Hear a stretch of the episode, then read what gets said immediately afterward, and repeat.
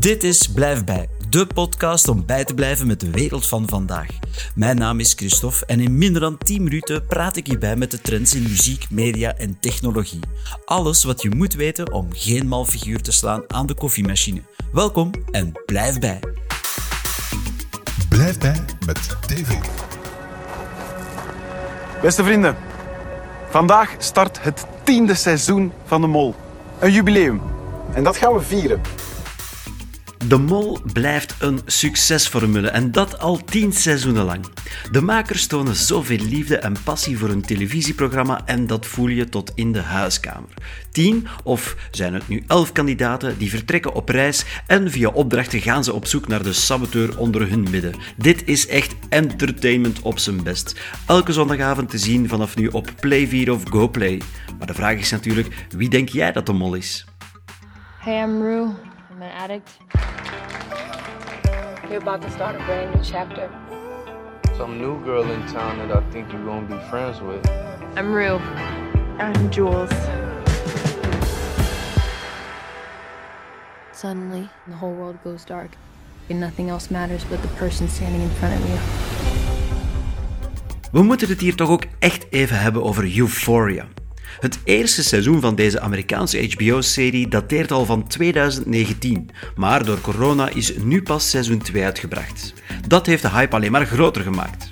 Nu, wat maakt deze serie zo sterk? Het zijn de fenomenale acteerprestaties van enkele hoofdrolspelers, dus de soundtrack, het onverbloemd tonen van de grauwe realiteit en de nietsverhullende naaktscènes. Euphoria is een tienerreeks, maar wel eentje die een keiharde realiteit toont. De serie draait rond de leefwereld van het jonge meisje Rue, fantastisch vertolkt door de nieuwe superstar Zendaya. Het is de vriendinnetje van Spider-Man Tom Holland trouwens. Rue, die worstelt met een drugsverslaving, ontmoet op haar school nieuwkomer Jules, een transgender meisje die heel haar wereld overhoop zal zetten. Door de ogen van Rue krijgen we een blik op haar leefwereld, haar relaties, vriendschappen en familie. Euphoria is een serie die onder je huid kruipt en niet los zal laten. Is nu te zien op Streams. I cannot be the only one wondering if this former capital R rake is ready to flourish. It is only out of the greatest love of my family that I aim to choose a bride with my head and not my heart. Een guilty pleasure voor velen, Bridgerton. Bridgerton is terug op Netflix met een tweede seizoen. En net zoals de boeken zoomt elk seizoen in op een van de hoofdpersonages. Deze keer staat de broer Anthony Bridgerton centraal. Wat kan je zo verwachten bij Bridgerton? Een frisse blik op de 19e-eeuwse Britse aristocratie, zalige kostuums en natuurlijk heel wat drama. Helaas deze keer zonder de knappe hoofdacteur René Jean Page, maar er zijn nog genoeg knappe mensen in de cast om van te genieten. Nu te streamen op Netflix. What are we gonna talk about this year?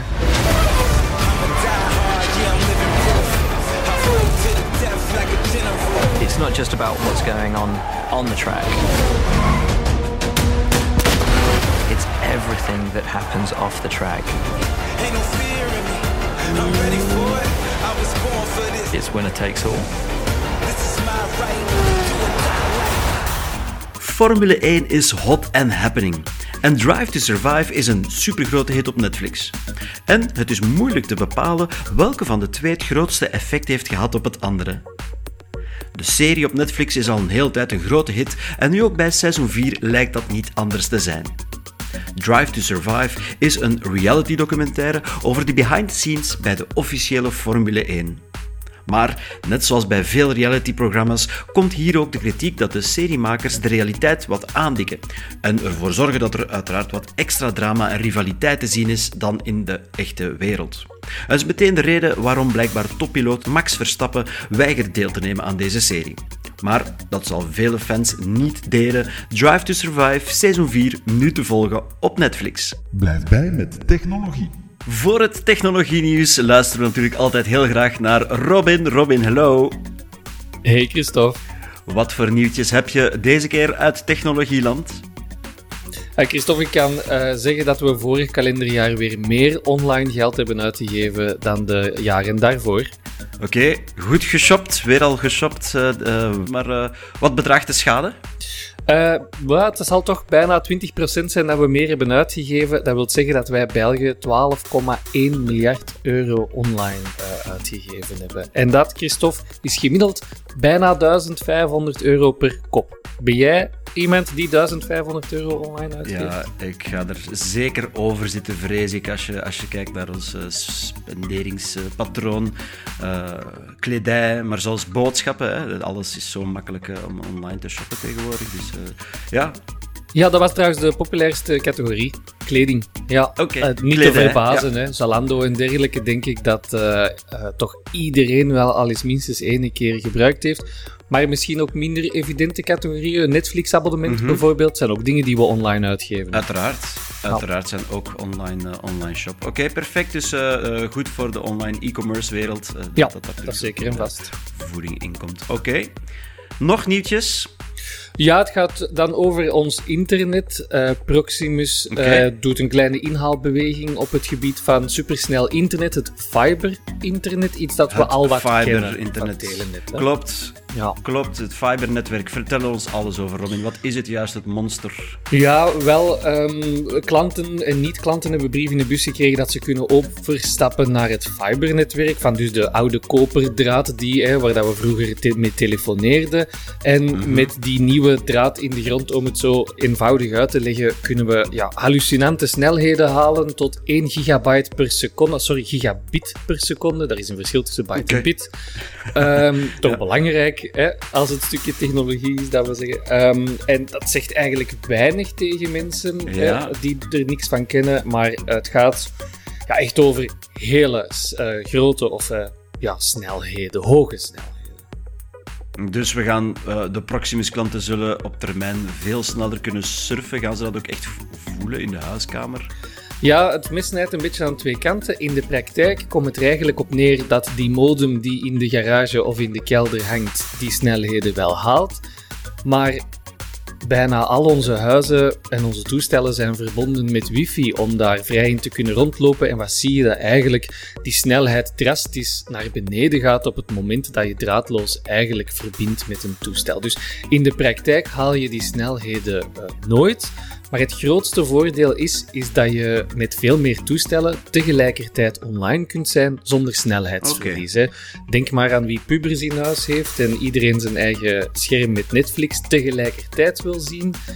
Ja, dat kan dan allemaal in hoge, in hoge kwaliteit, tegelijkertijd, zonder dat iemand moet inboeten. Dat is echt een voordeel van die fiber-netwerken. Uh, Klinkt inderdaad heel aantrekkelijk en het hoeven zelfs geen pubers te zijn, zelfs met kleine kinderen uit ervaring, die allemaal op Netflix tegelijkertijd of Disney Plus durven zitten. Ja. Is er toch wel wat druk op het netwerk. Oké, okay, goed om te weten. Robin, hartelijk dank voor de update en tot volgende keer. Dag Christophe. Blijf bij met muziek.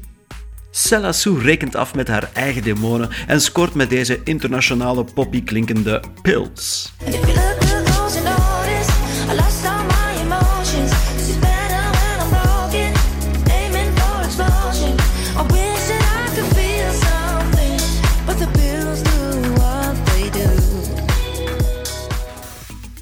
Ila, de winnaars van de nieuwe lichting van Studio Brussel, scoren nu ook goed met hun Leave Me Dry.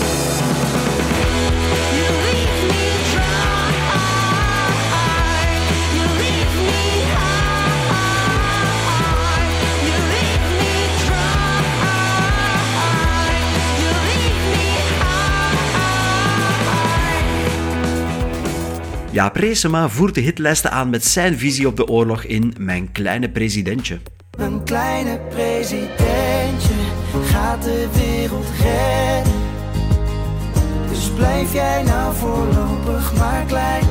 Want als al die grote mensen net zo zouden denken, denk ik dat de wereld zoveel mooier zou zijn. En onze eigen maestro Stromae is terug van lang weg geweest, maar het was het wachten meer dan waard. Getuige daarvan deze L'Enfer. Tu sais, j'ai mûrement réfléchi. Et je sais vraiment pas quoi faire de toi. Justement, réfléchir, c'est bien le problème avec toi. Tu sais, j'ai mûrement réfléchi. Et je sais vraiment pas quoi faire de toi. Justement, réfléchir, c'est bien le problème avec toi. Dit was het voor deze aflevering. Meer informatie en links naar de inhoud kan je vinden op www.blijfbij.be of via de show notes. Volg ons ook op Facebook of Instagram. Dit was Blijf bij, de podcast om bij te blijven met de wereld van vandaag.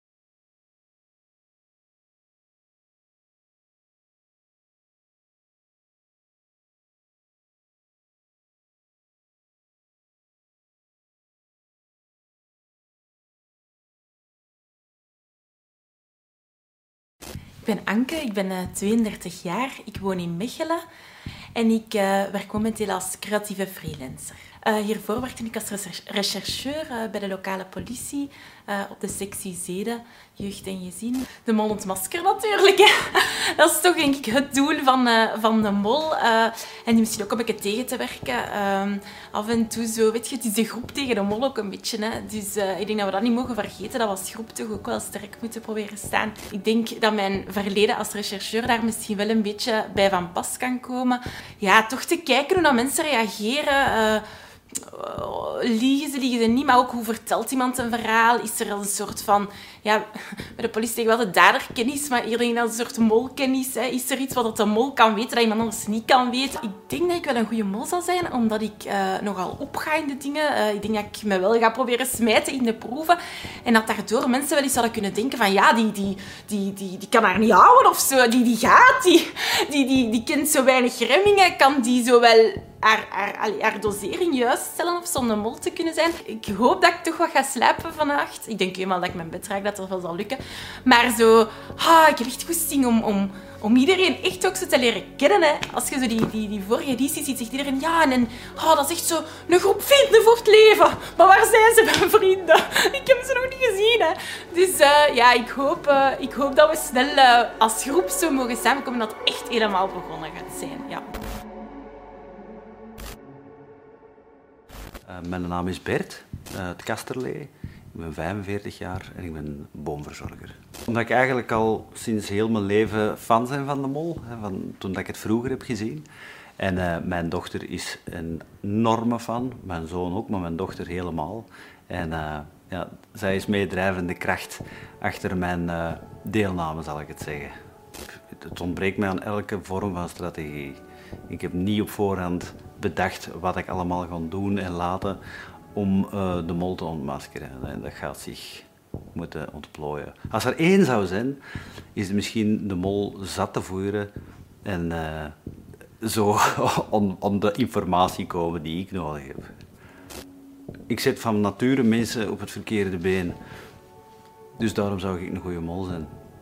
En ik heb er eigenlijk veel plezier in om mensen op het verkeerde been te zetten ook. ja, zolang dat een spelletje blijft. Oh, omdat ik... Uh, meestal is het uh, om mijn gezicht af te lezen hoe dat ik mijn eigen voel. Als het slecht weer is van binnen, dan is het slecht weer van buiten. En dat is eigenlijk niet zo goed. Als je een echte mol wilt zijn, is dat misschien niet zo uh, aangewezen. dus een, mengeling van kinderlijk enthousiasme, zoals hè, Sinterklaas die komt, en een, een gezonde dosis doodsangst uh, voor wat er ons allemaal te wachten staat. Ja, zoiets. Ik ben Emanuele, ik ben 35 jaar, ik kom uit Genk en ik ben een receptionist. Omdat dat het avontuur van mijn leven is. en mijn bucketlist item. Dus uh, die moet ik afmaken. Ik wil wel elke dag genieten alsof het mijn laatste is. Maar ja, zo ver mogelijk geraken. Hè? En misschien het spel winnen. Maar zo ver mogelijk. Goh, ik heb al 500 strategieën in mijn hoofd uitgeprobeerd. Uh, de ene moment ga ik mijn buikgevoel volgen, de andere moment niet. De ene moment denk ik in de box, de andere moment vind ik die box niet. Dus uh, nee, ik heb niet echt een strategie. Ik ga een beetje with the flow. Ja, vooral goed met mensen kunnen omgaan en mensen goed kunnen inschatten.